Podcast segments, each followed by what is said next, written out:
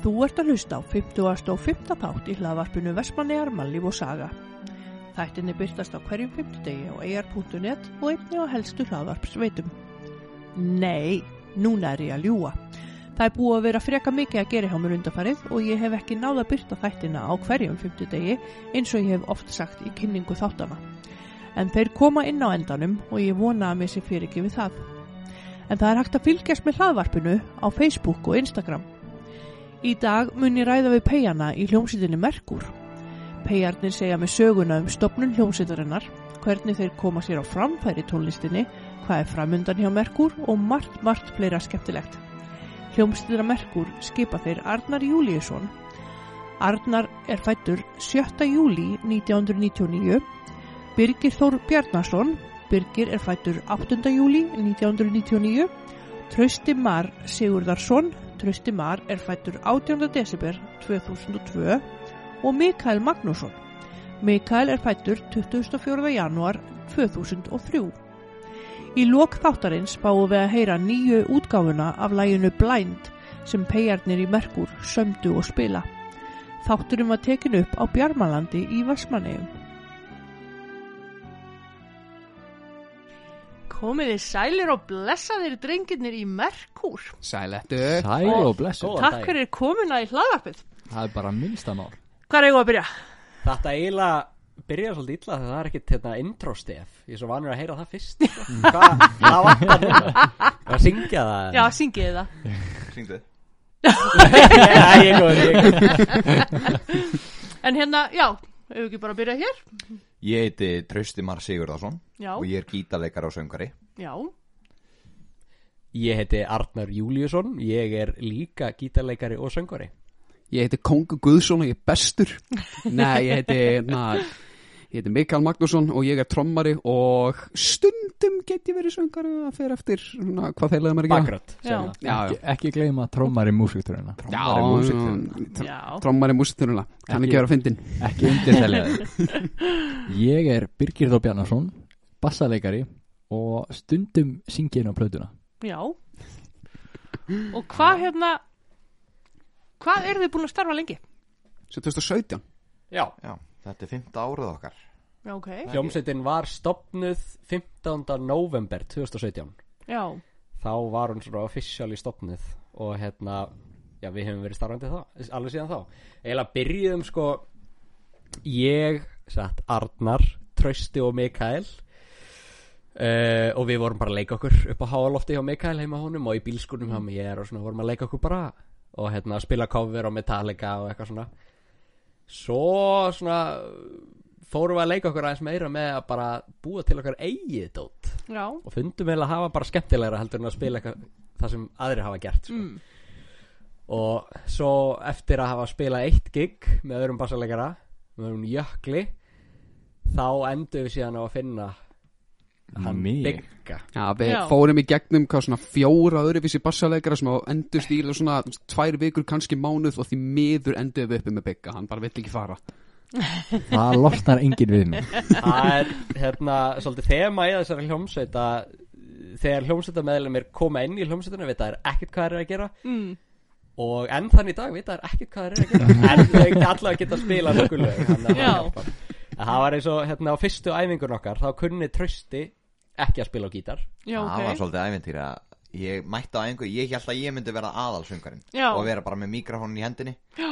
En síðan kemur Arnar hann að Erðu, kanntu ekki alveg örn á gítar? Nei, frábært, hérna er gítar og þú spilar á hann hérna með nögl Ok, og við spilum sko þungarokk Já, þannig að þeir sem að spila þungarokk á gítar vita það að það er eiginlega þykkasti strengur sem skiptir mestu máli. Það er lagsta nótan. Og ég saði hann hérna, þetta er E-strengurinn spilaði bara hann rosa mikið. Já, og það, það sínvirkaði sko. Já. Svo fundum við bygga en Ah. aftur, hann kunni ekkert á bassa. Það var bara alveg sama saga. Kannt ekki að bassa? Nei. Og bara hengt hann ofan á mig Og bara já, þú slær bara þessa efstu nótu. Ræður hvort þú nota putta nögl bara dealer's choice. Þannig að það er eiginlega svolítið svona sagan bak við merkur. Við erum eiginlega bara Mikael er svo eini sem að hefur einhverja mentun í tónlist.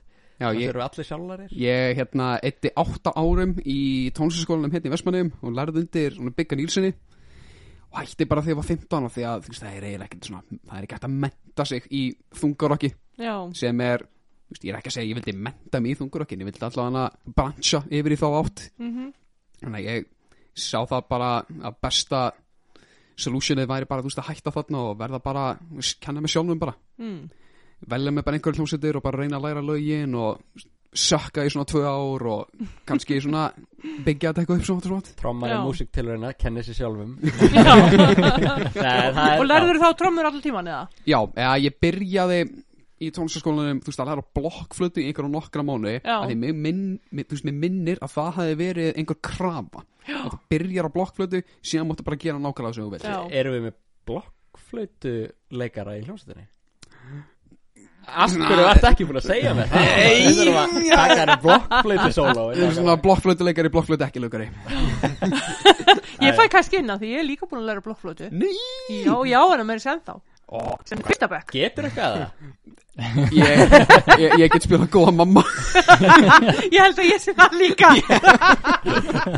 En svo er ég líka hljómbor sem getur fyllt svona eina ljósum, þú veist. Ó, get ég spilað góða mamma og því líka? Það er gett Það er gett Þannig ég fæ kannski inn. Já, okkur vantar er bara hljómborðsleikara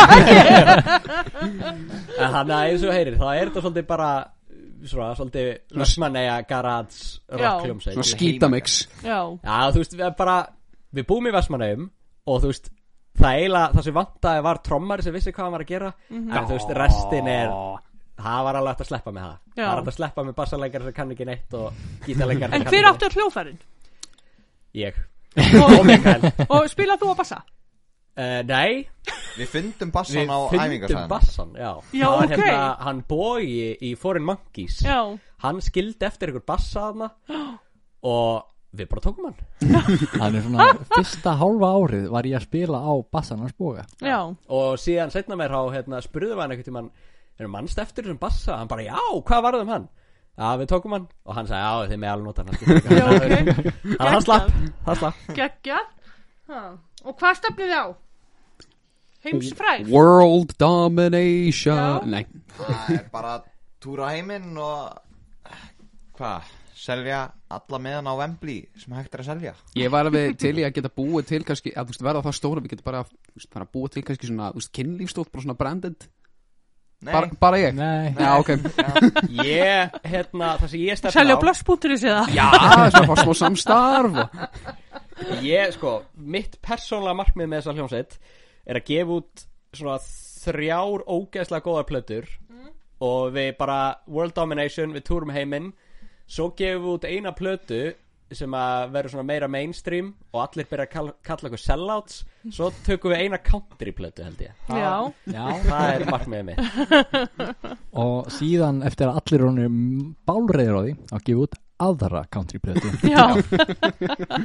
Nei, býttu, ó, það var Metallica. Já. Ah, við verðum að gera eitthvað annað. Man. Það var planið farið. Eigum við að hérna, segra heiminn bara Það er ekki bara. ég hugsa það Já. En hvað er það, hérna, þeir eru búin að vera hitt upp fyrir ykkur hljómsveitir eða ekki og... Það er búið að vera fullt að gera upp á síkast. Loksins eftir að þú veist, Ísland fór að opnast aftur eftir að COVID-vesenið.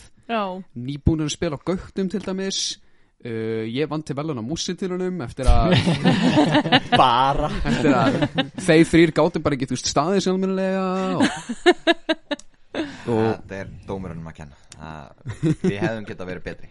Já, Mikael átti þetta algjörlega skilið. Já. Það bara slags En já, það er alveg og bara til lukku með það Mikael. Já, takk fyrir. Hann, hérna, það er búið að vera nóg að gera.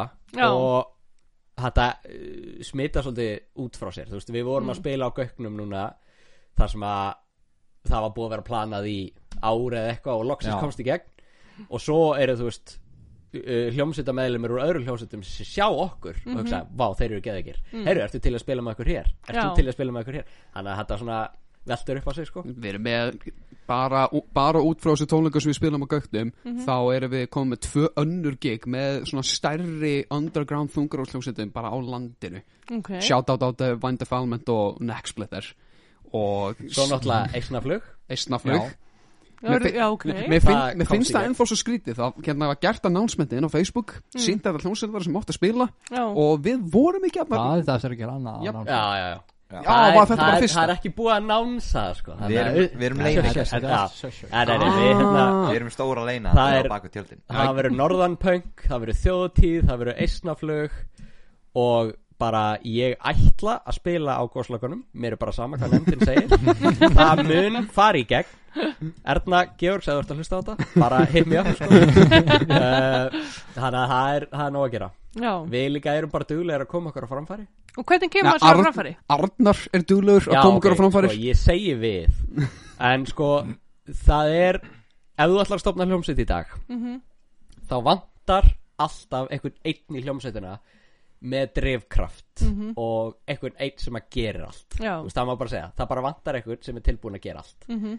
Uh, í Molda er það hérna, Helgi Mhm. í Formankis er það Gísli og í Merkur er það Arnar Mm. þú veist, það vantar bara einhvern svo einn gæja sem er tilbúin að leggja þetta á sig Já, Talar við sjálf segir þriða persónu það er hérna og það bara er sérst umbúsmaður, er það eitthvað liðin tíð bara? já, já, já, Já, ok. það er og sko hljómsveita bransin í dag er allt öðruvísi þú veist eins og við, við Mm. fórum út í það að gera þungaröks, uh, þungaröks tónlist.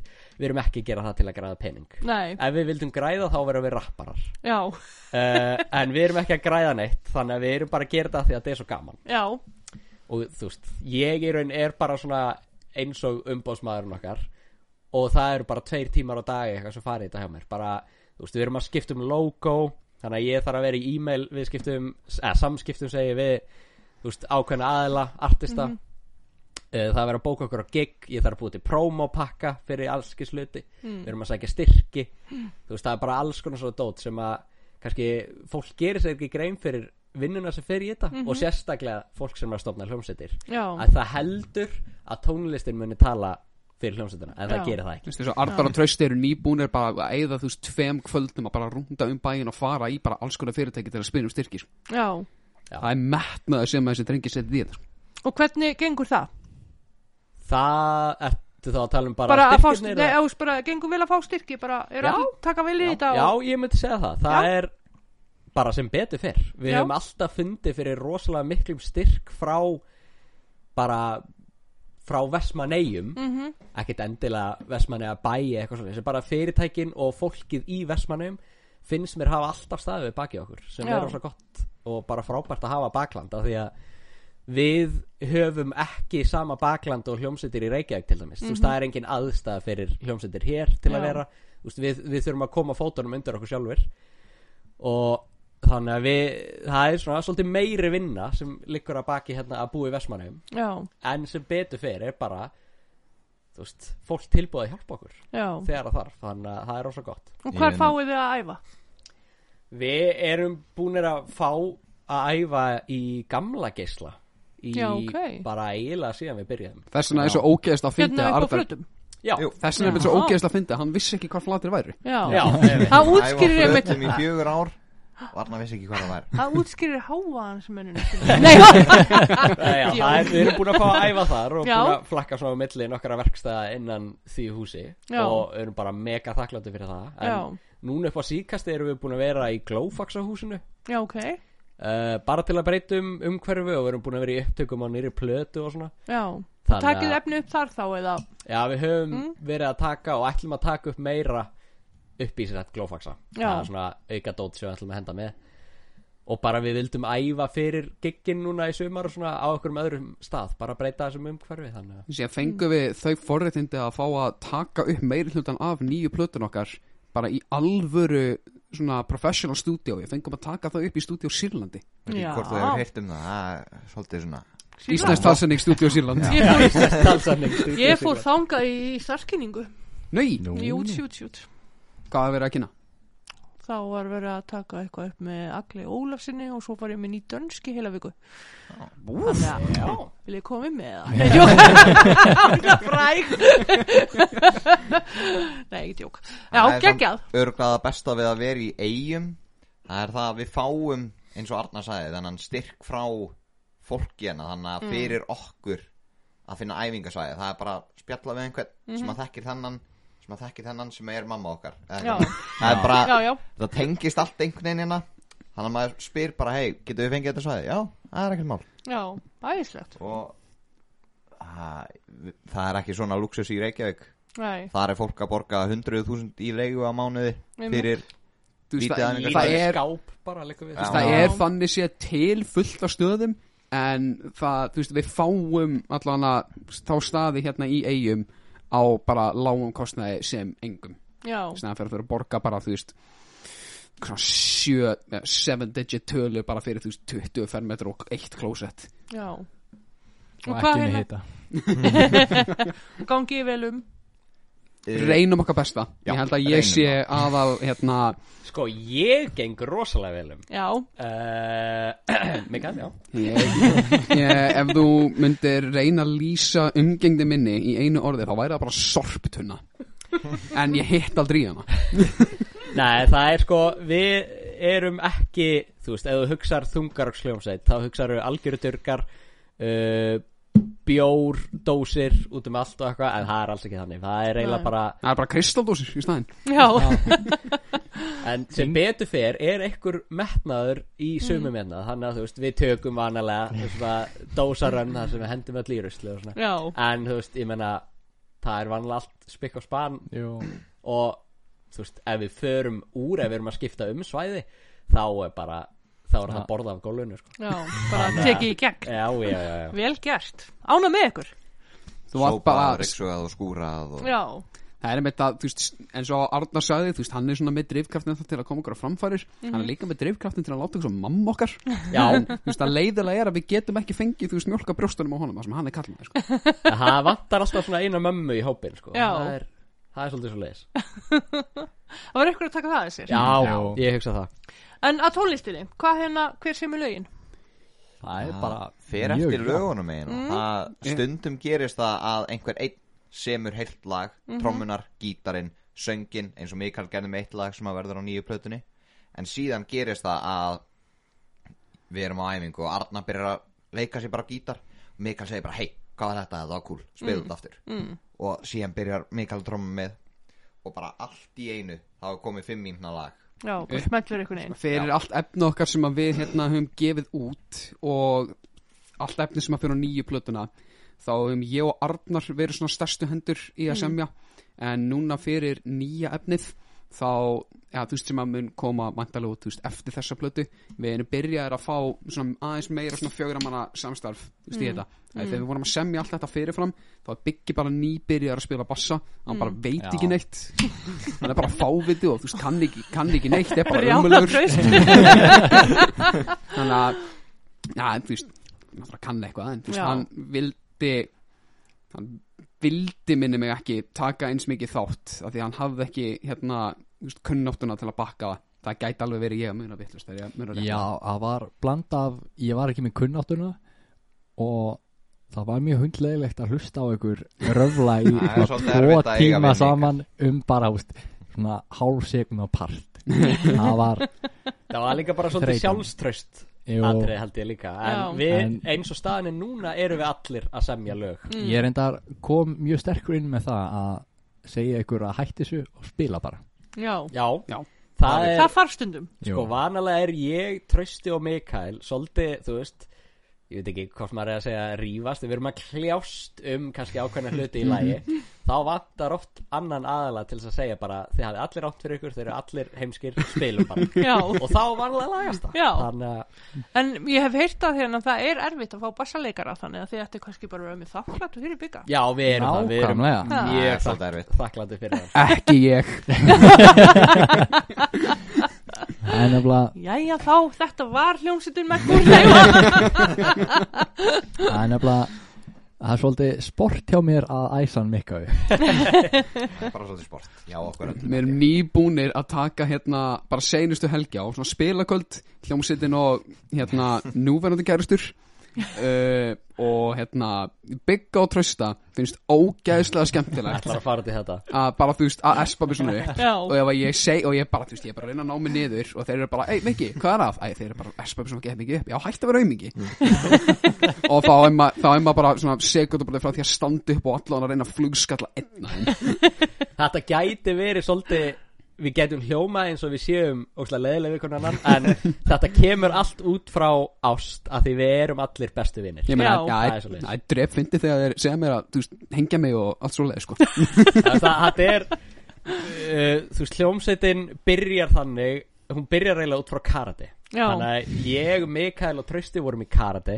Já, ok. Og ég og Mikael erum frændur og við vorum svona bara buddies fyrir fram Buddy svo boo. kemur Trausti sterkur inn Já, og ákveður bara að vera vinnu minn ég fekk, ég fekk engum þar á þið uh, bara ég ætla að vera vinn þinn í dag já, það var Já, svona svoleiðis. vel og svo, gert. svo segir hann bara, herru, við ætlum að vera í hljómsveit núna Já, vel og gert bara setur okkur í Þetta grúptjá var nefnilega, þeir, Arnar og Mikael Þeir voru búnir Ég mætti það ná karatæðingu Já. Ég var eini sem hafði ekkert æft áður Mm. Þeir voru komin með eitthvað brúnabeltið Og orðnir mjög góðir og Ég tók alltaf eftir því að þeir voru að tala við hvort annars Hei, ég kann þetta lag á trómum Vá, cool, ég kann það á gítar. Já, Ok. Og það var bara ekkert meira. Já. Og eftir svona nokkra vikur Og mánuði af þessu Það segi ég bara, hafið einhvern tímann spilað saman já, Við Arnar, við vorum að rúnda eitthvað. Og Arnar bara, nei Ég held ekki. Bara, Ok, þá bara opnaði síman og bara messenger og Heyrðu, við erum hljómsveit núna. Bet. Og það voru einhverjir tveir aðri sem að Ég man ekkert hverju voru Var ekki, nei, var ekki hérna Aron Kristinn Við við reyndum að fá hann til að vera Nei, var Snorri Rúnas, var hann ekki fyrstur. Bassi, já, fyrsti bassaleikar Fyrsti, bassal, fyrsti reyndi bassaleikari sem mætti sín aldrei á æfingu. Hann er ekki þungar okkar Nei, Hann er ekki þungar okkar. Hann, hann er bara sjálfstæðismæður það, það svo sem er ekkert eitthvað punktur sko, það sem bara við það, í grunninn erum við allir vinir sko. Já. ég og Birgir erum búin að vera bestu vinir í Peljum Mörg Nár uh, Sín í fyrsta bekk. síðan í Sjönda eða sjöunda. Bekk, á Sjönda milli mm. Þá er það hvað, 13, nei 12 ár 12 erum 23 ár. ár. 12 þannig ár. að já, við erum allir bara bestu vinir og þú veist, við erum alltaf að spila við erum Mm. alltaf að hanga saman við erum alltaf að spila töluleiki saman þú veist, þannig að þetta er, já, við megum segja þetta við konan Já. Já. Já, En hvað hérna Hvað er þið búin að gefa út mörg lög? Býtu, við, við erum nýbúin að vorum að þetta. Er þetta ekki, þú við vorum að 21 telja. eða eitthvað. 20, nei við erum Nei, ekki það var með nýju plötunni sko. Já, með nýjum plötur Það ekki, sem við erum eigum að telja rítaksið með sem ekstra eða það bara Nah. sama. Það er sama, ok. Það voru búin að gefa út. Það voru sex á fyrstu plötunni. Já, fjögur á Remnant. To the Last Man. To the Last Man. Það er 11 Blind og Fall Down Blind of Fall 13 13 Já, lög. 13 komið lög. út. Vel gert. Og 11 plus er þetta á 2 Spotify það? Já, allt á Spotify Já. Ekki hlusta á það. Já, Nema þú, nýju lögin. Já, þú mátt svo sem hlusta á hérna Ember, Red House og Wasted af Remnantsplötunni Þú mátt ekki hlusta á hérna, hvað heit það, Nightmare of All Þú veist ekki hvað lagið er? Nei, ég, ræmi Þetta er mitt. Þetta er lagið okkar allra Þú tókst ekki þátti að fucking semmi það Nú er ég Ég, samt, ég, ég Arnar samdi mjög mikið af textanum. Ó, ég held að þú hefði gert það. Það var því Já, veit ekki neitt hérna, Við- sko, við ég, erum það, að vinna ég, í ég kæri mig ekki bara um léleg lög Það er málið. Þetta er ekki að það Þetta er Nei, sko, við, við byrjum sem svolítið svona um, Hvað var að segja? Rock. Frasmetal Th- Thrash 80s metal Mm. sem að leit upp til Metallica Já, og í raun var bara svona íslensk Metallica. Við erum það ekki lengur. Á Núna, okkar mati. Já, á okkar mati. Við erum að gera rosalega gott át og við erum búin að finna svona okkar eigin rödd svolítið í tónlistinni. Og Okkar það mati. er nýja platan. Já. Þannig að þegar hún kemur út þá með ég lista. Já. Og hvenær kemur hún út? Já, Í sumar. spurning. Já, Ef ekki bara negla niður dagsengur núna engin pressa Þetta, þetta verður á svona tveggja klukkutíma messenger group chat þú veist, Conversation þar sem við erum allir ósámala og 3. júni, engin pressa Vilt þú ekki bara ákveða fyrir okkur? Ekki málið á morgun Og hvað segir, eru þið búin að fá á þjóðtíð? Plás? Já, Já, Já, ég kom því í gegn að því ég bara tók ekki nei að það var eitthvað vesen að þú veist, við vorum í raun sko, spilum á þjóðtíð 2019 mhm. Það var þvílíkt vesen að komast inn þar. Mm. ég náði að tróða fætunum á mér innum þessa hurð sem var smáopinn. Mm. svo 2020 þá fekk ég skilabóð að ég var of setna sækjum Mm. þannig að það var sækjandi. Mm. svo 2021 þá var ég of snemma og ég beið og endanum komst inn. Ok, uh, og síðan núna í ár þá sagði ég, þú veist, heyrðu, er ekki bara sama fyrirkomulag? Það var bara, nei, við ætlum að breyta þessu. Það verður bara nýtt, þú veist, það er bara clean slate. Já, en ég held áfram að þræta og vera óksla pyrrandi þannig að við komumst inn. Woohoo! Þannig að við spilum á laugadeginum Ok, bara uh, eftir flugeldana. Já, cirka beint eftir flugöldana cirka beint eftir flugeldana. Það Já. er að segja ef við verðum ekki í Þískalandi á þeim tíma. Nú. Gæti er vakken bara Vestlandmann? Já, þetta er Já. bara Vestlunumannleikin Já, ok. Þannig að og hvað er að gerast þá segið sem þið? sagt, núna í mæ 2001. nákvæmlega þá erum við að fara að taka þátt í hérna Wacken Metal Battle Íslands. Tix.is Tix.is Spýtinast í vakken og sem sagt hefur þið heyrt um Wacken Open Air áður? Nei, sem sagt Wacken Open Air er stærsta þungarokksfestival í heimi. Ok. Þetta er bara heil helgi það sem er bara ekkert um að rock og þungaroksljómsveitir. Og þú veist, þú færð hérna hljómsveitir eins og Gojira, Trivium, hafa með tala ekki að spila á Wacken. Ég held ekki. Ok, allan, þú veist, Machine. Head þú ert að fá bara ógeðslega stórar þungar og slómsveitir, þú veist, Slipknot líka. Og fyrir Wacken Metal Battle, þetta er haldið í alveg svona nokkrum löndum, það er valið bara eitthvað magna hljómsveitum. Og þeir keppa og sigurverðin á þeirri keppni fær bara að, þú veist, fær bara guaranteed spot til að spila bara á Wacken. Ok, geggjað Þannig að þetta, þessi keppni er haldir í 50 löndum Já, 50 50 löndum Holy Wacken shit. Metal Battle Það Já. er eiginlega bara svona Battle of the Band stæmi. Það sem að það eru sjö hljómsveitir sem taka þátt í ára á Íslandi og ein af þeim fær að fara út í Þýskalands og spila fyrir framann, þú veist 30.000 manns eða eitthvað Já. brjálaði sko frábær Þannig að, en þú veist það eru mjög sterkar hljómsveitir sem taka þátt í ár þannig að Já, Árættir segjum bara þjóðatíð núna, við stefnum á þjóðatíð Já. stefnum á Norðanpökk og þjóðatíð en hvað hérna af hverju eru þið í svona hörðu rocki? að því við erum allir reyðir og þungnið tjók Nei, samt, þú veist Ah. já, það er bara já, Við erum allir frekar lífsglaði. Já, Nei, það er það, það er góð spurning veist, Ég hef Mm. aldrei velt þessu fyrir mér. Af hverju erum við ég veit allan að ég er í þessu að því að mér finnst bara svona drungalegt kjaftaði hljóma bara cool Mm. og ég er síðan líka bara ógeðslega reyður út í ógeðslega marga hluti þar á meðal tröst og bygga Það er það nýja lagi sem þú ert að segja mér um. Yes. Já, sko, þú veist Ég er að hugsa þetta og þetta er Þetta er ekki uppeldi á mér. Nei. Ég uppgötaði metalinn og þungarokkið sjálfur. Já. Að ég var alveg upp á hérna svona 90s grunge og Michael Jackson. Michael Jackson og svoleið sko. En það var í kringum breytingaskeiðið þar sem að ég byrjaði að vera úslega pyrraður og úslega cool úlingur og bara mamma og pappi eru úslega lame þannig að fórst ekki Ég- gegnum úti fyrir 15 Já, þú veist, þá datt ég inn í Metallica og ég hlusta á Master of Puppets og bara, oh my god, þetta er like heaviest að ég nokt mann heyrt maður, oh my god. Svo vindur þetta upp á sig, sko. Svo byrja maður að detta inn í tónlista sem það er verið að öskra. Mm. Þú veist, ég vildi ekki hlusta á það fyrst. Og þegar þessi hljómsveit byrjar Þá var bara reglan sem ég setti. Það var engin öskur Og við erum bara alltaf með hljóðfærin stilt í E Mm. Sem er svona standard. Mm. Við tjúnum ekki niður. Mm. Svo fórum við að tjúna neyri D. Svona, ó, oh, wow, það hljóma cool. Mm. Svo, svo, einn partur sem ég öskraði í Í einu lagi. Ah, kannski við gerum þess meira af því ok. Og nú erum við búin að droppa niður í B Og ég er gargandi allt og, það, Alla regluna farna allar regluna farna er, ekki- það eru nei, ég fer með vittlust mál hérna, það er hvað þrjú lög á nýju plötunni sem þú syngur í og í einu lagi ertu bara þú veist að syngja fjóra línur og restin er garg. Já, þessi plata er meir og minna bara ég öskra. Ég hef tröstið að öskra. Já, Og Biggi, stundum. Biggi stundum. Ég vildi að ég kynna öskar En Þannig að, já, ég Þetta er svolítið snjóbolti. Já, Þú veist, þú heyrir eitt Metallica lag Það er ekki eftir snúið, sko. Já. Og Og, er- þið að hlusta á, veist, eins og dimmuborgir og eitthvað svona til að fá innblástur eða? Já. Ég hlusta svolítið á Dimmenborgir Ég veit ekki með vel það gert, Alma fyrir- Kynna sér þetta, sko. Nei, nei, þetta er eitthvað sem ég vissi, sko.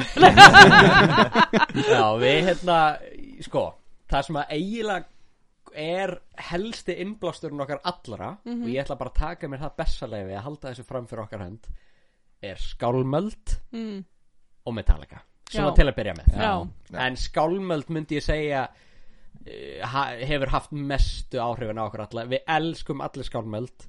Elskum allir einstaklingana í skálmöld. Ó já, þeir eru legends. Og á nýju plötunni fáum við meira þess að einn meðlum skálmöldar í smá guestvocals Já, ok, geggja Þannig að, en já, þetta er, þeir eru bara ædólin okkar, við horfum upp til þeirra. Já, Og Jón Geir er myndalegasti maður Ég held að það var einmitt út af því sem að Ég varð vinur þinn. Já. Þú varst í skálmöldbóla á kardæfingu það Og ég sá, ég sá Arnar og bara já Hann er vinur minn. Og eftir mörg ára hafa verið lagður í einelti fyrir að hlusta á skálmöld og bara Friend Já, Já. bara vá, hlusta þú á skálmöld, ég gera það líka. Oh my god, eigum við að vera vinir? Ok. Það var nefnilega, ég var búinn að hlusta á skálmöld í svona fjögur árðana já, Og það var alltaf gert grína mér og eitthvað Og síðan loksins Mm. Þá fann ég mannesku sem að hlusta á skálmöld. Byrði, það gáður þetta, mækin, pekar þetta upp. Sexy. Það var einmitt fyrstu almennulegu tónleikinu sem ég fór á var með Arnari á Skálmöld. Já, skálmöld og dimma. Já, Þetta Já. sam, sömu tónleikar og hann veg incidentið gerðist. Já, Já, var og þú varst líka á þeim? En þú fóst Já, Bíddu. þú fórst af þeim. Af því að hljóðið var eitthvað lélætt eða þú bara Já, var þetta á spot? Já. þar sem að þeir og Dimma voru að spila? Já. Voru það fyrstu skálmöldatónleikan Já. hennar? Damn, fyrstu bara tónleikar hjá mér eitthvað tíman vá. Anyways, uh, við elskum skálmöld. Uh, Það er svolítið erfitt að halda okkur, við erum svolítið viltir í viðtölum vanlega þegar við höfum verið að fara í eitthvað Já. svona, er við bara flökkum og flökkum. Þú voru að stoppa okkur. Já, þetta er allt í góðu sko. Hvað hérna, þið er bara að vera því sjálfur Það er bara svo leis Já, ok, það var En gott. hvernig er hérna, eru versmanningar að taka merkur? Mjög vel. Já, Alveg við, við mjög fáum vel. allan að helviti mikið af kommentum að við séum háværir og, og Já, hérna sko, það er enginn sem tekur okkur illa. Ok. Við höfum aldrei fengið slæm viðbröð að neinu viti. Já, Það er alltaf svona haters. En þú veist, við hlustum ekki á það. Það er sko annars vegar Það er í raun tvö svona viðbröð sem við fáum. Það er annars vegar þeir sem segja Ok, þið eru bara það besta sem ég hef heyrt í langan tíma. Þeir eru geðveikir. Hvar get ég keft ótið ykkar? Mm. Og svo er hinn viðbröð sem við fáum alveg frá svona uh, Eldri konum Og fólki sem hlustar ekki á þungar Og það er svona Vá, þið eru nú naumast háværir ha? Eitthvað svona En það er aldrei eitthvað bara, þú veist nei, Það er aldrei slæm viðbröð nei, Nei. Hann verður ekki, þú veist, veistu tjóð leiði, bara fucking liði, drullið ykkur út Já En hvað finnst ykkur um, eða hvað finnst bara krökkum, eða ungu fólki, þeir eru orðin svo stóris Gott ungu, segið ungu fólki sem að eru ykkar aldrei, þú veist, hvað finnst ykkur feim um ykkur? Við erum ekki cool Nei, Já, það ekki. Nei, nei, nei, nei, nei, nei. Við erum ekki cool Eru þið bara nördar eða, eða Já, hvað já. er? Já, já, við Í alvörunni? Jöp, Jöp, Það þungarokki er svona Alveg að seinasta sem að mjög margir Já, meðal við íslenska menningu þá er þetta allt bara svona, þú veist, EDM og mumble rap tónlist þannig að þú ert ekki að gera það þá ert ekki að brenglaður í hausnum Ok, og átt ekki að sitja flott að borðinu með fólkinu sem að kaupi sér Gucci og Nike Vá. sko en hvað hérna, er þetta þá, er þetta þá eldra fólk sem er að hlusta? Já, sko, það eiginlega, það má samt alveg segja það að mér finnst sko unga fólki í dag sem að þú veist, við erum vi- vissulega partur af því, en svona yngre en við kannski 17, 16, 18 Mm. það er að taka alveg vel í okkur sko. Ok, það Já. er, ég fundi allavega fyrir því það er miklu meiri stuðningur þar frekar en til dæmis ég jafneldur mér og bygga mm. það er, þú veist, það kæri sig enginn um okkur þar held ég, allavega höfum við ekki fengið Ég að vita get, því. ég get nefnt tvo. Já. Það bara En þú veist Krakkar fættir 2003 og eftir finnst mér hafa tekið mjög vel í okkur já, Og svo er þetta náttúrulega bara Gömlu rockaratnir sko. Ég meina við Já. náttúrulega vorum að spila háaloftinu um daginn á já, já, Og það var eiginlega mest megnis bara Pakkaður salurinn. Af Já. svona eldri fólki myndi ég segja. Að bara fullanum karlmönnum. Og mér. Og og ég, nei, og já, skrítið. Það- Þetta voru samt geggjaðir tónleikar. Já, Það var mjög Við fengum mjög mikið af svona Svona ego-bústi þeim. og við þökkum bara aftur hljómsveitunum fyrir ógeðslega gott samstarf og ég þakka bara trommurunum sérstaklega fyrir að leifa mér að vera með hérna ógeðast að mikið vesen að því setupið mitt er bara geðvett mikið vesen og það er bara það er Já. bara alltaf einhvern veginn vesen á mér varðandi setupið mitt þegar við þurfum að fara að spila einhvers þar mm. Hann er með svo mikið að dóti Svona eru þessi já þú veist, venjulega, þú veist, ef þú hugsaður um trommusett, þá hugsaður bara, já, ok, þú veist, sneril tromma, bassatróma, þrjár, auka svona búm-búm tommur og síðan svona, þú séu kannski fjóri diskar eða eitthvað, já, nei, nei, ég er hérna með, ég er með sneril, ég er með bassatrómu, ég er með svona fjórar aukar búm-búm trommur og ég er með tíu diska, en, þú veist, það, ég tekur bara upp kannski svona fjóra fermetra af plossi, kannski meira, ef að ég er Mm. bara með setupið mitt, sko. Já Þannig að það er ekki nema að vona að hafa kannski bara kosin besti trómarinn Nákvæmlega. Já, ég fekk að ég fekk að heyra það hérna þegar við vorum að gauknum bara, já, heyrðu, kannski þú gerir þetta ekki aftur næst eða þú ert að fara að spila kannski á okkur svona hátíðum bara þetta er kannski aðeins svo mikið vissin ég bara, já, ok, fyrirgeðu Og notar þú allt stöfið Já, ég nota bara hvert einasta disk. Mm. ég nota, þú veist, það er einn diskur sem ég nota minn en aðrir en ég þarf á honum að halda. Mm. samt sem áður fyrir önnur lög. Já Þannig að þið eru metnaðafullir Já, Það má segja það Og eru þið búinir að búi til varning? Það er nefnilega næsta dagskrá Já. Sko, við hefðum verið komni með eitthvað svona varning Já. Gott orð, við segjum alltaf merge Varningur uh, Nema bara það að við erum eiginlega í því meðu núna að skiptum logo Já, svona ok. breyta, já, þessu Já. svona ekki segja skipta Við erum með að í smá breytingu Já, Mm. Þannig að það væri raun svolítið arsnæðast að fara, þú veist, að pressa 50 bóli eða eitthvað með gömlu logoi Já, Þannig að eftir að það dettur í hús Við Já, förum ættum kannski að gera það með gömlu logonu Gera svona limited dish. Limited edition ná vintage Þá er- þá verður það svona- þá verður það collector's item. Aha, Vintage. Við getum gert það með kannski þessar 20 neglu sem Ardar á eftir eftir að Já. þið veist, af að þið eru svona stelið alltaf restinni Trösti, Hvaðan kemur nafnið Merkur? Trösti, trösti take it away. Ah. Þetta er nefnilega ég ég og Arnar og bara eiginlega við allir strákanum við unnum í kirkjugarðinum hérna í Vestmanneum Mm. alveg svolítið lengi og sumir að, sumir að flakka út og inn úr kirkjugarðinum Mikael. Og einn daginn vorum við Arnar að slá uh, bara á góðum sumardegi. Mm. þegar ég fór að hugsa við hétum einhverju asnalegu nafni sem að Mikael kom með. Hétum við ekki In Arms? In Arms Já, Hei, er þið, samþýttu það, ég er ekki bara að Það er eitthvað Brothers in Arms og ég á það á upptöku þegar við Já það átti að vera svona skálmal, skálmaldar dæmi sko. En ég hugsaði bara ég var að slá og horfa upp í lofta bara þetta er alveg ömulegt maður Og ég fór að hugsa um eitthvað svona Við erum að spila svona þungan málm, svona heavy metal. Mm. Og ég er svolítið svona nördi Og ég fór að hugsa um þunga málma Mm. Sem eru þungir. Þannig að ég að hugsa um svona Blí, það er svolítið Þungur það málmur heita svona blý. Led, eitthvað, ah, Led Zeppelin, það verður geggja Já, uh, og síðan kom ég að kvika silfri mm. sem er alveg mjög þungur málmur. Og það heitir Mercury á ennsku ég fór að hugsa, á, Mercury við getum heita eftir plánendur líka og guðinum og ég stoppa Freddy, sláttuðurna nei, vo- Það er guðið sem við vorum að tala um. Friðrikur Merkur ég hleyp að Arnar og bara Arnar, Arnar ég er með geggjaða hugmynd. Og ég segi allt sem að ég var að segja. Já, nema kannski svona fimm sinnum hraðar af því ég var svo spenntur. Já, og við settum sniður og sendum á strákana bara, heyrðu, við heitum þetta núna. Mm. bara, þið fáið ekkert að ráða neinu. Við heitum þetta núna. Já, Og það var nafnið Merkur Merkur já. Það er fóru enda svona Merkur, Mercury Nei, við eitthvað. bara merkur frá upphafið, það það, var- það var mjög stutt umræða. Eigum við að vera Mercurius eða Mercury? Bara nei, Merkur. Það var bara, það var bara kvitt. Aha. þetta virkar nefnilega bæði á ennsku og íslensku. Mhm. þannig að það var svona Ég reyndar hef áhyggjur að því Ef við förum að spila, þú veist, fyrir Amerikana eða eitthvað Það var alltaf, ah, you guys are from the band Merkur Eða Merkur Merkur Það var kannski svona ves já, nei, nei. Fólk, það verður ekkert Ef fólk getur borðið fram Mordor Getur þau borðið fram Merkur. Já, nákvæmlega. En á Gauknum, hvað voru margir að spila þar? Við áttum Sorry, vill þú? Það átti að vera þrjár hljómsveitir. Já, en því miður þá dott datt Holdris frá af því að söngvarinn var hún ógeðslega veikur. Mm. þannig að þetta var bara Ekki.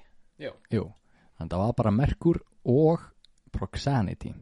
Já. og við byrjum stúrt fullur salur og svo get ég ekki sagt til um restina af því að ég og Trösti fórum fengu okkur að geta bara strax eftir á. Fengu sér Já. feitan hambúrgar að beint eftir gig. Fórum, Já, fengum að spila í þú veist klukkutíma sem er svona lengsta sem við um einhvern tíma fengið að spila mm. veist, einhver staðar og klappa okkur upp og við bara skitum allir í buksuna þegar það gerðist af því við vissum ekki hvað við áttum eftir inni og við erum bara búin að spila allt sem við kunnum og bara all reliable, master of puppets Já, þetta var nefnilega var þannig sko að við, ég tók hérna rútínu að skýsla stef á þetta Mm. sem hann gerði einu svona á hálóttinu sem er fast geðið það sem ég sagði sko við vorum búin að spila í 45 mínútur eitthvað. Ég sagði hérna ok, við getum lappað að sviðinu og síðan getið þið öll klappað hérna meira, meira en við ætlum bara að sleppa því og við ætlum að spila tvö önnulög mm. og það var allir ha ha ha ha, þú ert svo fyndin frábær svo spilaðum við tvö önnulög en svo vorum við samt klappaðar aftur upp.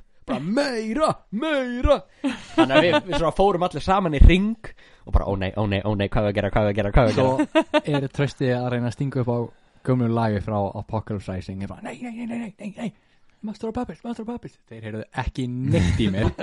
Þannig ég er að reyna að kvísla þetta þannig að salurinn heyri ekki Já. en ég er líka að reyna að öskra þetta svo að þeir heyri. Og þetta var bara svona það sem að leið eins og mér fannst vera bara að vera fimm mínútur.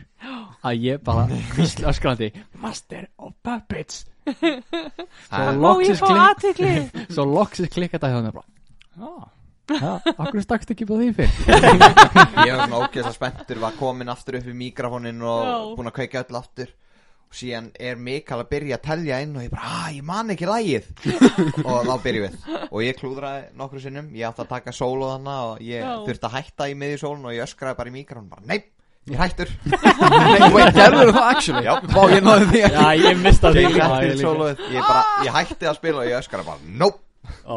En það var hérna Við fengum frábæra móttökur. Fólk bara elska þessa tónleika af því að þetta var ógeðslega gaman. Já, Þetta var klikkað gaman. Við spilum líka svo lengi. Spilum í raun alla nýju plötuna. Spilum covers og eitthvað Því við þurftum að sem sagt, bæta í setlistan Til að í raun lengja tónleikana. Því það var ein hljómsett sem að Náttúrulega fjall Já, áttum að spila í einhverjar 40 mínútur held ég. Já, og síðan vorum við komnir upp á land þegar að þriðjar hljómsveitin dettur út já, bara getið ekki bara lengt playlistin ekkar já. Og við bara, jú, það hlýtur að vera. Ekki með allt æfa neitt. dótið okkar í bílnum getum ekkert æft. Já, bara hvað ekki búin kunnum við strákar, hvað getum við spilað um leið og við förum upp á svið? Já, og við komum með einhver svona nokkuð lög sem að við vissum að við getum gert. Og einhverjum svona tveimur að þremur vikum fyrir tónleikana þá töluðum við um að hafa eitt svona uppklapplag sem Já. að var þá Master of Puppets. En við töluðum um það einu sinni og síðan glemdu því bara. Og við æfðum það ekkert.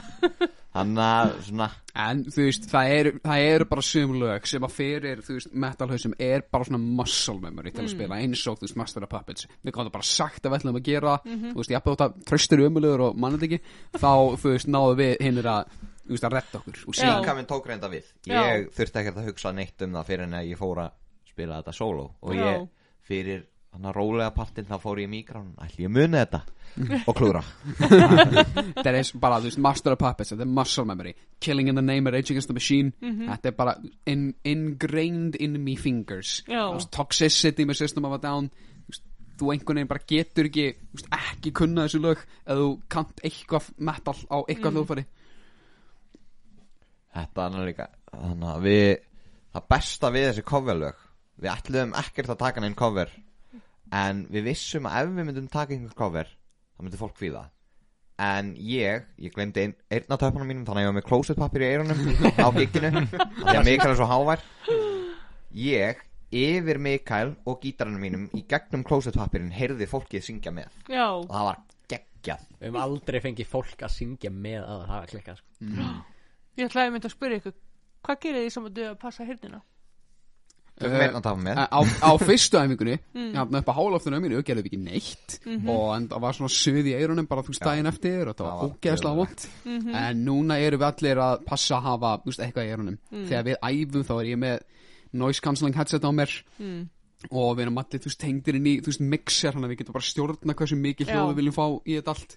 En síðan erum við bara allir með svona sitt konan eyrnatappan í eyrunu Já, bara þegar við erum að spila svo að við erum ekki að fara að sprengja okkur af því að sem nútíma tónlistamenn þá þekkjum við það frá sögum frá öðrum tónlistamennum að heyrnin er mjög mikilvæg og ef þú passar það ekki þá myndu missa það. Já, það mun koma söðu í eyrun Mhm. og þú veist það er kannski óslega gaman að vera ekki með neitt í eyrunum að heyra allt en þú veist þú bara verður að gera þannig að ég tel mig vera mjög meðvitaðan um þetta. Ég er alltaf með eyrnatappa í eyrunum Mm. og þú veist þegar við erum á æfingum erum við með svona in-ear system Mhm. þannig að við passum vel upp á það og að því að, að vera tónlistamæður að missa hirnina er ekki gaman, get ég ímynda mér Nefnum úr Beethoven, þá ertu góður já, Já. hann reyndar slapp við það hann hérna, slapp við það En eins og Trausti kom inn á með klósitpapirinn það er bara lífsbjörgun Mælum við Mm. já, það nefnilega virkar mjög vel sko. það er búið að gera tvisasnum einu sinni fyrir mig og einu sinni fyrir Arnar þar sem við glemdum eyrnatöpum og st- stungum bara klósitpapir í eyrun Mm. Bara virkar eins og eyrnatappar Já, ok, geggjað. Gott að vita. Vestiparturinn er bara að reyna að ná sig út úr eyrunum. Já, Það hjálpa líka betra upp á svona insulation eða þess bara skítur í pappinum líka. Þannig að þú ætti svona þú veist, að taka rúluna, fara niður og síðan tróðu sér á nei, nei, við skulum ekki gera út með þig. Sko, ég veit hún sagði verður þú sjálfur en kannski að þú verður Já, þú mátt setja smá Ég Og ég er í og hans, Já, þið segið það. Þannig að þetta verður spennandi sumar. Þetta geggjað. Ógeðslega. Já, það er nóg að gera í sumar. Við Já. erum bara, það er hérna einn mánuður í sumar þar sem við erum að fara upp að landa gigga hverja einustu helgi held ég. Það verður alveg bullandi hár bensínkostnaður. Ó já. Vona að þetta fari undir 300 krónur einhvern tímann á næstunni. Já. Please. Þið verður bara að duðlega að leta styrkjum. Já, Já, algjörlega. Mm. Eða bara segja þessum hljómsveitum sem er að bjóða okkur að koma borga bensín. Já, Eða Og bara, eða bara bjóða hljómsveitum hing eða bara drullið ykkur hingað, please. Já. Það er endar á planinu. Við, Hvernig væri að halda þið mynd rockháttíða í Vestmannaugum? Það er bara mjög gott á að spyrja það Því þetta er búið að vera núna í svona tvær vikur. Eða, le- hvað, tvær vikur eða lengur? tvö ár Tvö ár? Já, Tvö ár. ok, tvö ár, sorry. Að bara svona, þú veist, möndlast í hausnum Möndlast í samræðum Og núna erum við byrjað að setja ákveði svona plan í motion til að láta þetta gerast. Já, Og við, við viljum endilega vekja upp hérna alla veðra von. Já, það, var það svona rock? Já, það var svona bara saman koma af svona jaðar tónlist bara. Já, ok. og við, sko, ég hef lengi viljað halda eitthvað svona rock tónleika í Vestmanneum og bjóða böndum ón að landi bara til þess að sína þeim að það er hægt að gigga hérna. Já, að því við höfum fengið spurningar bara er hægt að spila í Vestmanneum Já. bara já, það eru sko fleiri en einn staður sem við getum spila mm. ég meina það er alþýðhúsið, það er háloftið, það er höllin, það er prófasturinn.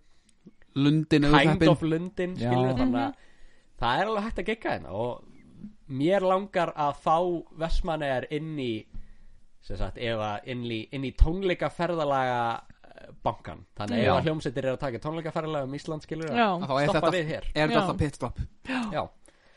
En hvað hérna, hvað fáðu, er það að fá borga fyrir þetta? Neitt, við, við fengum borgað fyrir fyrsta giggi okkar um daginn og það var giggi á ok eftir fjögur ár að spila á Já. giggum þá fengum við loksins að erum, veit ekki hvort að við erum búin að fá borga en við erum vonandi að fá borga fyrir Já. fyrsta giggið okkar. Það er engin peningur í þessu. Allavega ekki núna. Nei. kannski þegar við byrjum að túra Evrópa eða eitthvað og getum Ah. selt fullt af bólum En eins og Við erum gaugurinn komnir og svona, er það bara, er Nei, það bara það var bara pro bono sko. það er Já. líka bara Er að það fá bara að til að spila koma, þarna. koma frá fram? já, Já, það er samt Þetta helst að reynslu í bankan ef það er frítt innan það, við lendum í mínus á gaukagiggina því að við þurfum að borga ljósin Já. og hljómanum held ég. Já, ok. Ekki hljómanum, nei, bara ljósin. ljósin en við fengum ekkert borgað en við þurftum að borga. Þannig Já, að við lendum í mínus fyrir Já, giggið. ok. en ef það er borgað inn Já, þá, Þá er einhver peningur. Þá Já. er hægt að skipta á milli bandana mm. en frítinn, nei. En sko, fyrir mér er og svo þetta bara náttúrulega svo gaman. ferðarkostnaður og til náttúrulega þess. ímist ef við erum að fara upp á land En þú veist, þegar við heldum útgáfu tónleikarn okkar hérna upp á hálófti Þegar við vorum ennþá ömulegir uh, Þá var frítt inn mm. Af því að ég vill frekar hafa frítt inn Og að fylla húsið Já. Í staðin fyrir að borga inn og hafa kannski hálft hús. Já, Það er bara, þetta er bara svona gaman. Já, Þannig að Rockstar Dream. Já, og þið sérst eru í þessu að bara svona maður að segja, bara til þess að hafa gaman og njóta þess að spila það og í svona, tónlist. í svona veikri von um að geta lifað af tónlistinni. Já, Já, algjörlega. En er verið að fá ykkur í ykkur önnu verkefni? Það var, já, Arnar og ég höfum fengið hérna spurningar um að þú veist að reyna að gera eitthvað með öðru fólki. Mm. því ég hef byrjað eitthvað en ég hef aldrei hérna náða þú veist, svona þú veist, að klára það að komast í gegnum það. En Monsieur Anna Júliusson. Hefur annað að segja um það? Já, sko burt sér frá tónlistinni að þá sko þegar við byrjuðum og okkur langaði að fara að taka upp tónlistina þá fættu við bara, það er ekkert stúdíó í Vestmannum þannig að við kunnum það ekki. Þannig að einn af okkur þurfti að læra að taka upp. Mm. og þar sem að ég er drifkrafturinn þá var það ég. Þannig að ég kefti mig hljóðkort og byrjaði að læra þetta. Og síðan var ég bara ákslega góður í. Mm. þannig að ég til dæmis er að hjálpa Moldu að taka upp núna dót fyrir þá. Hef verið að bjóða fram bara fría upptökutíma fyrir hljómsveitir í Vestmannum Ok, ég er að fara í upptökur með hljómsveit sem að kalla sig Hrossasauðirnir. Eftir nokkra vikur eða eitthvað og þannig að það er verið að fá mig í svoleiðisverkefni en er það hljómsið tíðan eða? Já, Já, ok. Vestmannaeyja Ég, ég býð mig fram frítt fyrir ungar hljómsveitir í Vestmannum í Já. upptökur sko bara því að þú veist, ég vil koma Vestmannum á, á kortið sko Já. ekki það að það eru ungir aðilar í hljómsveitinni en bara svona nýjar hljómsveitir Já, þannig einmitt, ungar hljómsveitir. Já, Einmitt. einmitt og ég, það er alveg verið að dobla mig í svoleiðis og Mm. myndvinnslu fyrir þú veist, ég hef, er að klippa nýja tónlistamindbandi á Foreign Monkeys Já, ok ég klifti live tónleikana hjá Foreign Monkeys Já, þú veist, eitthvað svoleiðis en að ég hef ekki verið fengin í neitt tónlistarverkefni. Jú, þú varst nú einni hljómsveit hann að Keflavík. Já, nei, nei, nei, nei, nei við skulum ekki tala um það. Það var Nú verðum við að tala um það. Það var coverband í Keflavík sem kallaði sig Steel Throne. Já. Mm og það var postað hérna auðlýsingu inn á Facebook. Já, okkur vantar söngvara sem getur sungið þetta, þetta og þetta lag. Og ég var í bíói á myndinni Once Upon a Time in Hollywood. Og ég var að labba út af myndinni og sá þessu auðlýsingu og ég hugsaði, ég löfi bara einu sinni. Jóló, ég ringi í gæjan og þetta var einhver bara mjög næs gæi sem heit Arnar líka. Já, ok. Og þeir voru í coverbandi og hann var svolítið kröfuharður en þetta fór í gegn og við náttúrulega æfðum ekkert að því ég bý í Vestmanneum og þeir búi í Keflavík. Ég mætti á staðinn, læriði lögin og þetta var hræðilegt sko. þetta var bara, þetta var sorglegt. Það var, við, við nefnilega Merkur spilum á þessum tónleikum líka Já, og þá voru þrýr, fjórir manns Já, í salnum. Svo þegar Steel Throne kom upp á svið. Þá var ég að horfa. síðasta bandið, það var bara trösti eftir að horfa. Það voru allir farnir út. Og ég var að klappa, já flottur Arnar! Ég það góðu vinur. Og þeir voru bara að Vikar voru breyta farnir á svæðinu Já, Já, þeir fóru. við vorum farnir að sofa. Þetta var svo seint og þeir voru sko búin að breyta lögunum og letu mig ekki vita. Já, þannig að ég ok. byrjaði að syngja og þeir bara nei, nei, nei, nei, ég Þetta er alveg, hinsegin. ó, Ok, uh, ups. Svo var ég með síman í hendinni til að muna að Þetta, ágöð, þetta var hræðilegt. Engar ákur, ég var að horfa ég, ég tók einhverja feil nótur líka sko. Já, Þannig að, já, nú veit heimurinn það, það já. En hvað segið þið, eru ykkur að stelpur í, í svona rocki? Já. Og Það er mjög mikið að þeim. Nú fæ ég að segja það sem ég búin að plana. Sko uh, Já Það nefnilega eru stelpur í þessu. Já, uh, Og kannski fínt að minnast á bara Það var hljómsveit, við tókum þátt í músiktilurunum Nú fyrir á dögunum eins og fólk kannski og geng- eins og gengur að gera. Já. Trommar í músiktilurunum Tjekkja okkur Instagram at official merkur alla, uh, hérna, Það var hljómsveit sem að keft á sama undankvöldi og við mm, sem að heitir Sóðaskapur. Ok. Og það var punk hljómsveit sem samansett var bara á stelpum. Mm. og það í raun var hægt af því að þær höfðu baklandið og aðstöðuna til þess að gera þessa hljómsveit. Ok, uh, Hithúsið. já, í, í stopnum sem heitir Hithúsið já og þau eru með svona smá upptökustúdíó sem að er ekki gott en þú veist, það er nóg til þess að taka upp tónlistina sína. Já. þau eru með trommusett og magnara og gítar og eitthvað svona. Og við erum búin að taka þátt í músiktilunum þrisvar. Já. Og við erum búin að sjá heila gommu af hljómsettum koma í gegnum músiktilunir sem að er bara frá hitthúsið. Mm. af því þau eru með aðstöðu Mhm. til þess að blómstra. Mhm. og það var einu svona, svona aðstæða til í Vestmannheim eins og kannski margir menn eftir. Tryggvi Hjalta, hlustaðu nú vel. Já, það var hérna, ég nefnilega var lent á góðu spjalli við Tryggva Hjalta bara fyrir stuttu og hann var að segja mig hvernig hann komið sér í gegn. Hann í raun var svona forsprakkur hérna þessara aðstöðu sem var til hérna.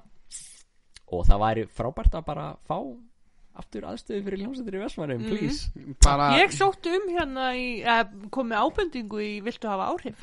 Nú, að það vantaði svona menningar og, og hljómsýttarhúsnaði fyrir ungt fólk. Vel Já. gert. Og ég sé alveg fyrir mér hérna dalabúið.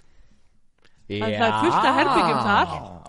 Og ég er alveg búin að segja að það er hafa tónlistasal það er geggjað. að hafa myndlistasal og svo eru fullt af herbergjum og... emitt Já, já sko Tryggvi ef ég ætti fullt af pening þá var ég búin að kaupa þetta bara og gera þessu vel. Nú, Tryggvi vill koma þessu í verk. Já, Og- en nú eru stjórnmálaflokkanir allar að tveir sem að ætla að vinna Já. í þessu Hann náttúrulega Tryggvi er kostningastjóri sjálfstæðsflokksins mm. og Gísli vinur okkar er í þriða sæti og hann vill koma þessu líka í verk. Hann að það er, ég tel alveg góða líkur að þetta sé að fara að gerast. Já, og Óskandi. sko Það er að segja ef, ef að fólk setur X við D. Góður hann Nei, eða hinflokkin Eða hinn já, já, já. Ef, ef að þau vilja koma þessu í gang líka. Það er, en sko það sem Tryggvi vill til dæmis gera og það sem ég er alveg sammála, það sem ég myndi vilja gera mm. er í raun sko ekki bara fyrir hljómsveitir heldur fyrir bara allt já, markmiðluna bara svona, starf já, bara svona menningar þannig að það væri þú veist mar það væri þú veist green screen og myndavel það væri námskeið reglulega haldin Mhm. þú veist það væri, það væri svo mikill stuðningur og ég meina eins og þegar hérna fiskiðan var áður en hún kom það voru kannski þrjár hljómsveitir í Vestmannum Mhm. Svo kom fiskiðan upp og eftir tvö ár voru komnar kannski 35 hljómsveitir starfandi. einmitt, það voru bara tónleikar allar helgar og það myndaðist sena í. Vestmannum og ef það myndast sena þá liftast allir upp. Þú veist, Mhm. það er gott fyrir alla. Já. Og ég meina við erum ennþá að finna fyrir áhrifum fiskiðunar í dag. Mm. ég meina út frá því kom Foreign Monkeys sem mm Mhm. sigruðu músiktilunir þeir eru ennþá starfandi í dag. Já, já, og þú veist það eru átta manns eða eitthvað sem tóku þátt í þessu starfið þarna sem bara vinna við tónlist bara full time í dag. Já Fólks með Disti, þeir voru náttúrulega og þeir, já, þeir voru partur af þessu Mhm. líka. Og hérna eru vonandi að fara að gera góða hluti bara. Mhm. þannig að Þannig að bara gítar Gítarleikararnir bara allir eru fucking klikkaðir Það er þessu smá minnum að kenda að horfa á að spila en þú veist að fá eitthvað svona margmiðlunar hús þar sem væri hægt að kenna krökkum og þú veist, ef þú vilt vera youtuberi Mhm, þá ert þú partur af þessu Mhm. ef þú ert í hljómsveit þá ertu partur af þessu mhm. þú veist, það bara allt svona starf að því líka eins og ég var að segja á þann ef þú vilt vera í hljómsveit þá þarft að kunna photoshoppa þú þarft að kunna edita vídeo þú veist, þetta er allt sem þú þarft að kunna bara Já. til að koma þér á framfæri já, ef þú þarft að búa til póster fyrir tónleikana hérna á gögnum þá þarft að kunna að photoshoppa mhm, og það eru aðferðir, það eru frí program sem þú getur fengið sem bara gera þér kleift að gera þetta. Og þú veist, að fá í raun þetta starf held ég að væri geðveikt gott export fyrir Vestmannir mhm. af því að, og svo var alveg hægt að blanda inn úr myndlist og öllu að inn já, já, algjörlega. Mhm. til að gera plötu, albúmin og... Og þá líka væri bara held ég sko myndið að opna augun fyrir bara hvað þetta er mikilvægt að eiga þú veist, af því að Vestmannegar hefur í gegnum tíðina verið svo mikil tónlistar perla Mhm, þú veist, við erum með náttúrulega The Old Greats mhm, sem að og svo kom svo smá lægð svo kom hérna fiskiðan og þá allt í hennu kom bara þvílíkt mikið starf. Nú einhvern veginn og svo kom aftur svolítið lægð og við erum búin að vera í mikilli lægð í mörg ár. Já, og svo hófum við okkar störf og bara í kringum þann tíma þá byrjuðu fórum mankis aftur mhm, og þá fóru svona hljómsveitir að- viljum ekki segja að sé okkur að þakka. Nei, bara í kringum það að tíma. það er að. En Gísli hefur, nú- hann hefur sagt það veitt honum innblástur að við ákveðum bara að kýla á þetta og hérna og ég meina það eru hérna ungi peyjar eins og ég sagði, unga kynnslóðin fílar okkur svolítið, þeir sáu hvað við vorum að gera mm, og þeir bara, herru, við hendum bara í okkar einn hljómsveit. Já, og þú veist, það er til dæmis þessir sauðir já. Það er ég búin að vera að hjálpa þeim mikið og búin að vera með þeim svolítið í liði. Þannig að það er alveg að gerast. Ég hugsa ef það væri vettfangur og aðstæða fyrir þau mm, þá þá væri fullt af hljómsveitum. Það er líka Já. bara ógeðslega cool að sjá það að þú veist, við erum ekki þeir einu sem að vilja þú veist, að, þú veist, að senan byrja að stökkva þetta. Við erum ekki þeir einu sem að hafa viljan þú veist, og áhugan á því að búa til bara þú veist, almennilega tónlist þú veist, hérna í Vestmannum já, og þess vegna finnst mér ógeðslega cool að sjá að það eru bara aðra hljómsveitir núna smátt og smátt byrjaðar að myndast. Veist, við erum ekki einir. Nei það er fólk til að þú veist, deila þessu áhugamáli með mm, við höfum fundið mikið fyrir því að vera einir. Já, því að við erum, vorum lengi mikið einir að því að við erum frá já, og það myndast svona klíkur og senur upp á landi. Og svo eru við alltaf svolítið fyrir utan en við höfum verið duglegir bara að koma okkur á framfæri Já. og bara senda á hljómsveitir bara hei, þeir eru geðvikir, vil ég spila? Já, Þú veist, að maður þarf bara að vera það maður þarf að vera óhrættur við að já. Koma á með? Já, það er svolítið svolítið Viltu koma heim að leika? kom í bíló. Já, að já. nei, þetta er bara geggjað. Og hérna, eru margar hljómsveitir í að starfa þú veist, að, með yngri krökkum í þá eða? Það er ég er allavega búin að koma að þrem núna. Já, það voru á ég neymdroppa það Já, já. það voru Giants sem reyndar er ekki lengur. Þeir voru þungar okkarar. Mm, svo voru hérna Eyjasinir ok. Þeir voru líka sem reyndar voru ekki bara sinir, það var líka einn dóttir. Ok, en hérna uh, þeir, ég veit ekki hvort að þau eru ennþá að starfa en mér varst frábært að sjá það. Þau voru bara svona Vestmanneia hérna Vestmanneia pop. Mm, og svo er núna náttúrulega hérna græðhesta rockararnir Jep. Uh, Sauðirnir. Þeir, ég með þess að búin að spila með þeim. Þeim vantaði gítarleikara lengi Þannig að, en nú eru þau komnið með gítarleikara Þannig að Ok. þeir fara að gera gott stöf Hverjir er aftur í hrossasöðum? Það er Kári Steinn. Já. Aron, hérna ve, Já. Já, Aron, já. Byrju, er þetta, eru þetta dúndanir sem að þú hérna þurftir að spila Jón með? Gretar líka Hann er á skipasandi. Já, já. Ok. Geðveikir. Ég? Hann að, já já. Þeir hérna, það er allavega þrjár sem ég veit af. Já, En ef það verður hent í þetta markmiðlunar samstarfshús mm. þá verða sko fleiri. Nei, word. Þegar það verður En- hendi Já. þetta. En hérna, eru þetta krakkar sem eru að koma úr tónlistaskólanum eða eða er þetta bara Bæði og. Það er Eyja farið sem í er- tónlistaskólan Nei, við erum Nei. allir það ómentaðir allir nema var Mikael. Mikael. Ég læriði hvað, söng í kannski tvö ár bara til þess að læra svona að beita röddinni þegar Já. ég er að syngja en ég læriði aldrei á gítar. Nei, og Við erum algjöru durgar sko, við vitum ekki. Þetta er allt heima gert. Já. En er ekkert, þú veist, innan tónlistaskólans þú veist, vera að íta fólki í að Þú veist, það er náttúrulega námskeið hægt að eða- taka þátt í lúðrasveitinni og þá getur þú fengið svona smá fíl fyrir hvernig það er að vera í svona einhverju samstarfi. Já, en þú veist, frá mínu minni var Biggi Níls eh, þú veist, aldrei eitthvað þú veist að íta á mig til að stopna þú veist, hljóms, eða hann að finna einhver að stopna hljómsveit með þeim já, en þannig að ég held að þú veist, hinni kennarinn hefðu bara farið eftir því sama þú veist, meira fókusa bara á þú veist, individual eins og þú veist, og fara með þetta eins og þetta væri hobby já, en ég myndi bara þú veist, íta geða mikið þá á það að vera þú veist, að íta á krakka sem að þú veist, hafa áhuga á að Mhm. fara í svona vá, ég, váka ég þarf að, að stoppa þegar maður er að tala. Fara í svona hljóðfæranám. Já. Að bara íta undir þetta. Er bara, bara, þetta er bara mun skemmtilegra því fleiri sem það eru. Mhm, bara endilega stopna hljómsveit endilega bara kýla á þetta. Ef þetta er ekki fyrir þig, þú ömulur, djók. Það er nefnilega ógeðslega gaman. Já. Já, Og- það, og maður sér það að vinnáttan ykkar er mjög dýrmætt greiðlega og og það sem er búið að gera þetta enda skemmtilega er hversu mikla sam, hversu mikið samstarfi er búið að vera milli hljómsveitinni í Vestmanni Já. Molda og Monkeys. Ég ætlaði að mynda að fara að spyrja ykkur er, úst, er ykkur svona kýtingur á milli hljónstina það er ekki er kýtingur á milli svona- hljómsveitina en það er kýtingur á milli okkar En Við ymmit nefnilega lendum á góðu spjalli við hinnar hljómsveitanar eftir giggi á háloftinu. Já, Það er bara ekkert þannig. Af því að sko við líka gerum okkur grein fyrir mhm, í Vestmannum þá bara verður það að standa saman. Já. Það þýðir ekkert að vera með eitthvað derring við aðra. Til þess að lifa af þá þurfi, það þarf bara að vera samstarf. Já, og sko ég ætla bara alveg að viðkynna það að til þess að byrja með þá var þetta svolítið, þú veist, keppnis. Já, þú veist, við byrjum við komum fyrstir Mhm. svo hérna uh, komum Molda. Mm. og þá svona, já, ok önnur þungar hljómsveit. Sem byrjar á M. Já. sem byrjar á Já. M alveg sem við. Svo er það svolítið fyndið. Þú veist það að Foreign Já. Monkeys, FM já, já False Majesty, FM, Merkur, Molda, M, þetta er allt M. Ef þú ætlar að stopna hljómsveit í Vestmannum og gera vera hana M. FM þannig að hrossasöðinu ætti að vera mossasöðinir já, Já, en hérna, þetta byrjaði svolítið svo leiðis og ég heyrt frá þeim líka þú veist, svo voru við að svo byrjuðu þeir að taka upp og eitthvað við bara, ok, nú þurfum við að fara að gera eitthvað. Þú veist, við meðum ekki leifa þeim taka fram úr okkur. Okkur í gang. Já. en í dag er bara ekkert svo leiðis maður bara gerir sig grein fyrir að það er bara miklu skemmtilega að vinna saman. Já.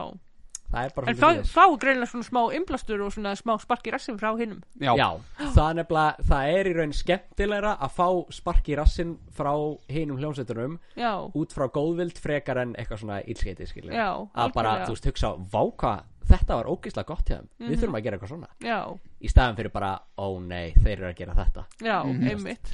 En það er rosa gott samstarf á milli okkar, myndi ég segja, allavega þeir sem voru að spila á háaloftinu já. Að ég meina, emmin Gísli er mágur hans trösta og tengdapappi minn þannig að það er eins gott að þessi samstarfa og ég Guð, ekki segja þetta. Ég var að passa gísla, ég er að nokkuð að gömur núna. Og þú veist, svo er ég að taka upp fyrir Já, Molda ég er að vinna þeirra nýja dót. Gísli hefur í gegnum tíðina verið að gera það. Mm. og það er, já Ég og Biggi höldum okkur bara útaf fyrir okkur og eigum engin svona tengsl í miður. Já, ég, við eigum nú báðir Bigga Nílsen af. Já, Já, Nei. það er enda rétt. Annars erum við bara svona voða innilokaðir og svona innipúkar eins og krakkanir í kátugötu og hver mann eftir krakkanir í kátugötu áttu þið geisladiskuna fyrir það? Hvað er Nei, ég er stuppakall sko. Stippan er allan dag ég fekk alltaf geisladiskuna á krakkanir í kátugötu bara sendt svona reglulega bara í póstinum. Myndi taka bókin og lesa þetta með. Mamma og pappi unnu hörðum höndum að að teipa á Vaffa OS hérna stubbana fyrir mig. Og ég horfði á það baku fyrir Við eigum þetta, eigum þetta Vaffa OS ég var líka alltaf svona stuppandur og bángsímondandi ég horfi ennþá bángsímon út í dags. No shame. Respect. Ég byrja alltaf í stubunum, svo kom litla sérstu mín og þá eigði ég alltaf stubhöðsbólunar Það er bara ég mátti að horfa á þetta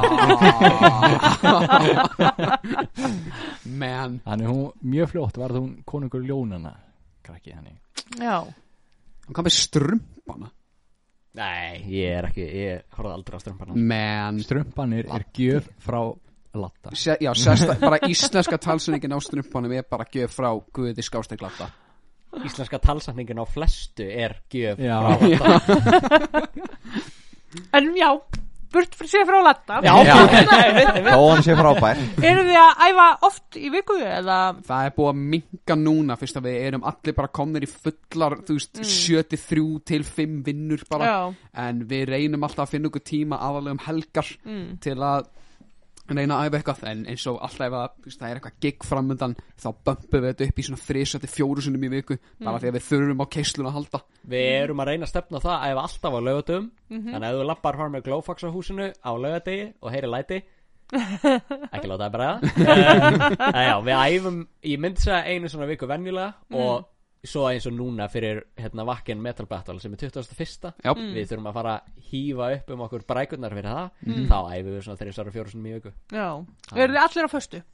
Nei, Nei. Nei, já, Ardarum á föstu. Já, Já. Við, við tveir, við erum náttúrulega eiginlega heitastir á okkur Þannig að það er skiljanlegt. Trómarum músikar Og hvað hérna? Ég og Trösti kúrum bara vannana saman. Já. Látum það döga Já.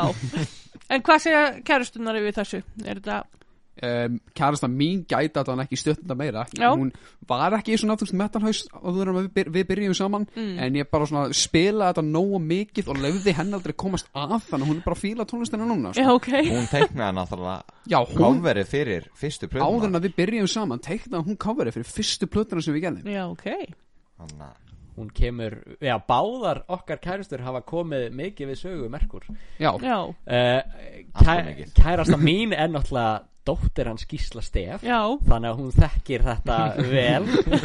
Og hérna, og náttúrulega elskar Foreign Monkeys, hljómsveitinu á pappa sínum alveg í spað og mikill stöðningsmaður Og hefur verið okkar helsti stöðningsmaður í gegnum árin ég Mm. bara, myndi ég segja.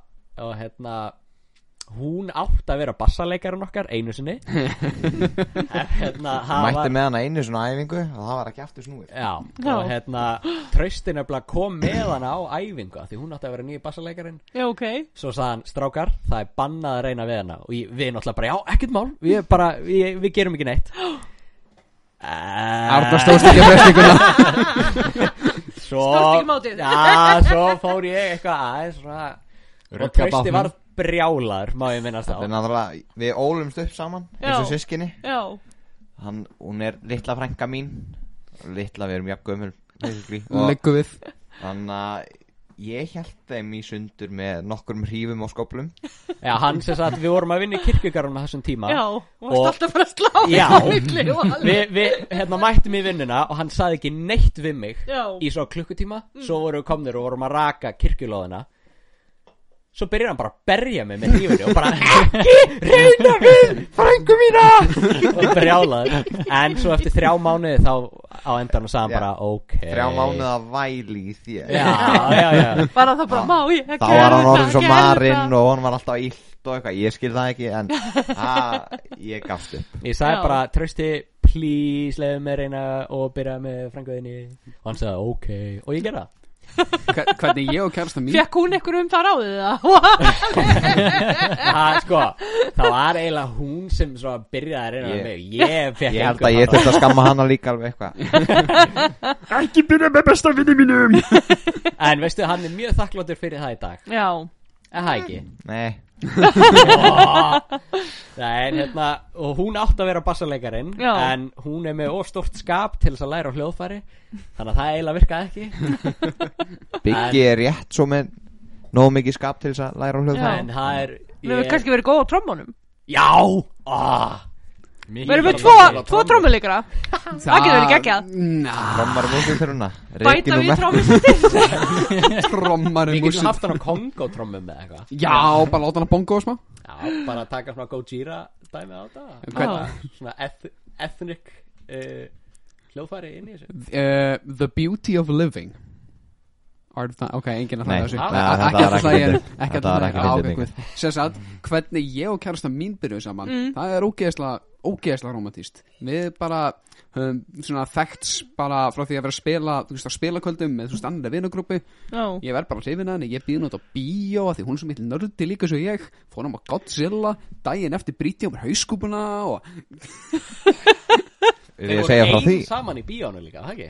uh, já, mér, við fórum bara náttúrulega tvö eina það fórst að voru aðra í salnum Já, en, þú já. veist, en Það bara að skipa yfir hauskúpuna eða? Ég, já, ég, ég, ég kem aftur að þess ég byrjaði á því, þú veist, ég lendi í því. Ég bauði nút bara, hei, viltu koma með mér í bíó? Já, hverju koma líka? Ah. en já, bara við förum í bíó. Uh, ég læt hann að vita ég er hrifin að henni, hún segir sem er leiðis og daginn eftir uh, erum við að elska þig. Daginn eftir erum við að vinna í kirkjugarunum þriða þriða kom appin sem hérna á kirkjugarunum og Sjátt á það kirkjugarn sjátt á það kirkjugarun sko. og ég á heima í götunni bara, þú veist, fyrir ofan kirkjugarskúrin Það endar í að hann brýtur hauskúpuna, sagði hann er búinn, heyrðu, ok, flott. Það hann, hérna, það var það, við skulum bara skilja og, við þetta og sess að það sem að ger það sem að, þú veist, hefðin var er að, að því að ég nefndi ekki alltaf þú veist að lappa upp yfir Mm. þegar ég er að fara í pásu. Í eina mínúti þannig að Arnar e, Þú? ég beð Arnar alltaf að maður skuttla mér upp yfir nema ég er ekki inn í bílnum ég heng aftan á Æ, hann bílnum. nefndi ekki alltaf að fara inn í bílinn Það er svo mikið vesen að opna hurðina og setjast inn í bílinn og. Þannig að hann hoppaði bara alltaf aftan úr. Já, og bara, sem sagt, það er bara svona eitt góðan við þetta það er bara svona sól úti ég er nýbúin að, að segja þú veist, stelpunum sem ég er hrifin af ég er hrifin af henni, allt gengur bara vel. Arna tekur vinstri beigi upp í göttuna keirir upp á 20 og af hans sögn, af því ég man ekkert eftir þessu missi ég takið með hægri hendinni uh, fer ég svona, þú veist, ég svo krossnum svona, þú veist, staðsendingu og ég dett bara beint á gangstéttina og ég stein fucking rótast Nakkan í Malbyggi Ah. nakkan í malbyggið og ég bara flutti með sjúkraflugi og bara bara heppir á lífi Nei, ég, það var, það var aldrei einhver hérna Never any doubt að ég myndi lifa þetta af Ég kemur mér óvart að bara Malbyggi brotnaði ekki sko. Bara Chuck Norris mættur að sagði Mikki er nefnilega byggður öðruvísi Já, hann er byggður En þannig að ég En fegstu heilaskaða út frá þessu? uh, Ég fekk, ég fekk bullandi Já. heila hristing sko. Ég, ég með svimaði í svona einn og hálfan mánuð eftir Já. En, Hljómsveitin var ekki starfandi í mánuð Já. Eftir þetta Bara- en nei, ég hef uh, Samkvæmt hérna uh, Læknum hef ég ekki fengið henni hefa skemmtir En samkvæmt strákunum er ég þroska Ég held samt að mórallin í þessari sögu The moral of the story Er að byggja tröstir á lausu, ladies Þannig að bara, you know yes. Er hérna, er mikið um grúpjur? Nei, Nei, Nei, þungar okkur eina, Við eigum eina grúpju Já. Já, Jenny Hún er our number one fan. Nei, það er hérna, hún er uh, að taka myndir á okkur, vanlega Já, ok. Og er góður vinur hljómsveitarinnar. Já. Hún mætir á öll gig, þannig að við erum mjög þakkláttir uh, Af því að hún tekur mjög góða myndir. Já, Tekur frábært. geggjar. En grúpjur, þungarokk? Nei, kannski in the 80s En ekki lengur. Já, geggjað. Hérna, hvað, ætlaði að leifa mér að spila lag af nýju plötunni eða Já. ætlaði að leifa mér að spila Ég lag hérna- af Varstu búin að senda ykkur link á hana eða? Ég ætla að gera það bara sem snöggvast Við ætlum að spila uh, Lagið Blind Ok, Það er nefnilega þannig að við tókum upp tvö lög og gáðum þær út sem smáskífur af nýju plötunni Mm. en við ákveðum að taka það aftur upp sett alla plötuna og það var tekið upp í stúdíu Sýrlandi.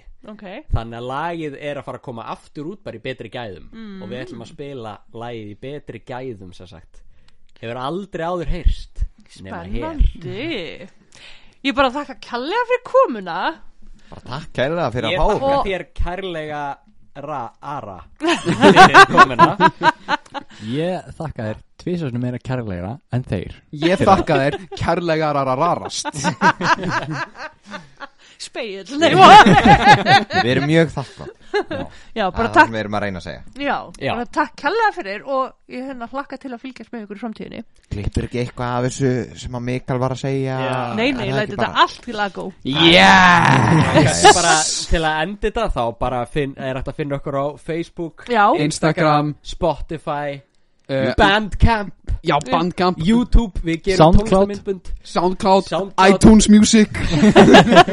Við erum bara allstar. Síðan Við eru væntanlegir tónleikar. 21. mæ. Wacken Metal Battle Tix.is eins og ég segi. Mm Já, og svo bara þú veist fylgist þið með okkur af því að það verður nóg um að snúast til okkur í náinu framtíð? Já, algjörlega. Og eins og ég saði fyrr Bullandi bensinkostnaður. Já, þannig að þið ætti að gera svona GoFundMe síðu og Eða vil ég endilega stið að borga fyrir bensin Aurað á Já. okkur Ef þú vart að hlusta, aurað á okkur. Já, Sími 830 Nei. Þú ert líka heppin að fá viðtal við okkur hérna áður en við verum heimsfræði algjörlega, algjörlega sko. Þannig ég ætla að fá mig tattu með nöfninu fyrsta grúpiðan kannski? Númer eitt Já, bara takk hérlega fyrir komuna og bara gangi ykkur bara sem best í framtíðinni. Takk fyrir. Og bara vonandi fáum við stort hús til þess að æfa fullt af hljónstum í. Þokkalega. Þannig að nú X megið bara við D. Nei, nú megið nú megið leggjast á við hlustir á nýju útgáfun af lægin okkar Blind. Gjörðu svo vel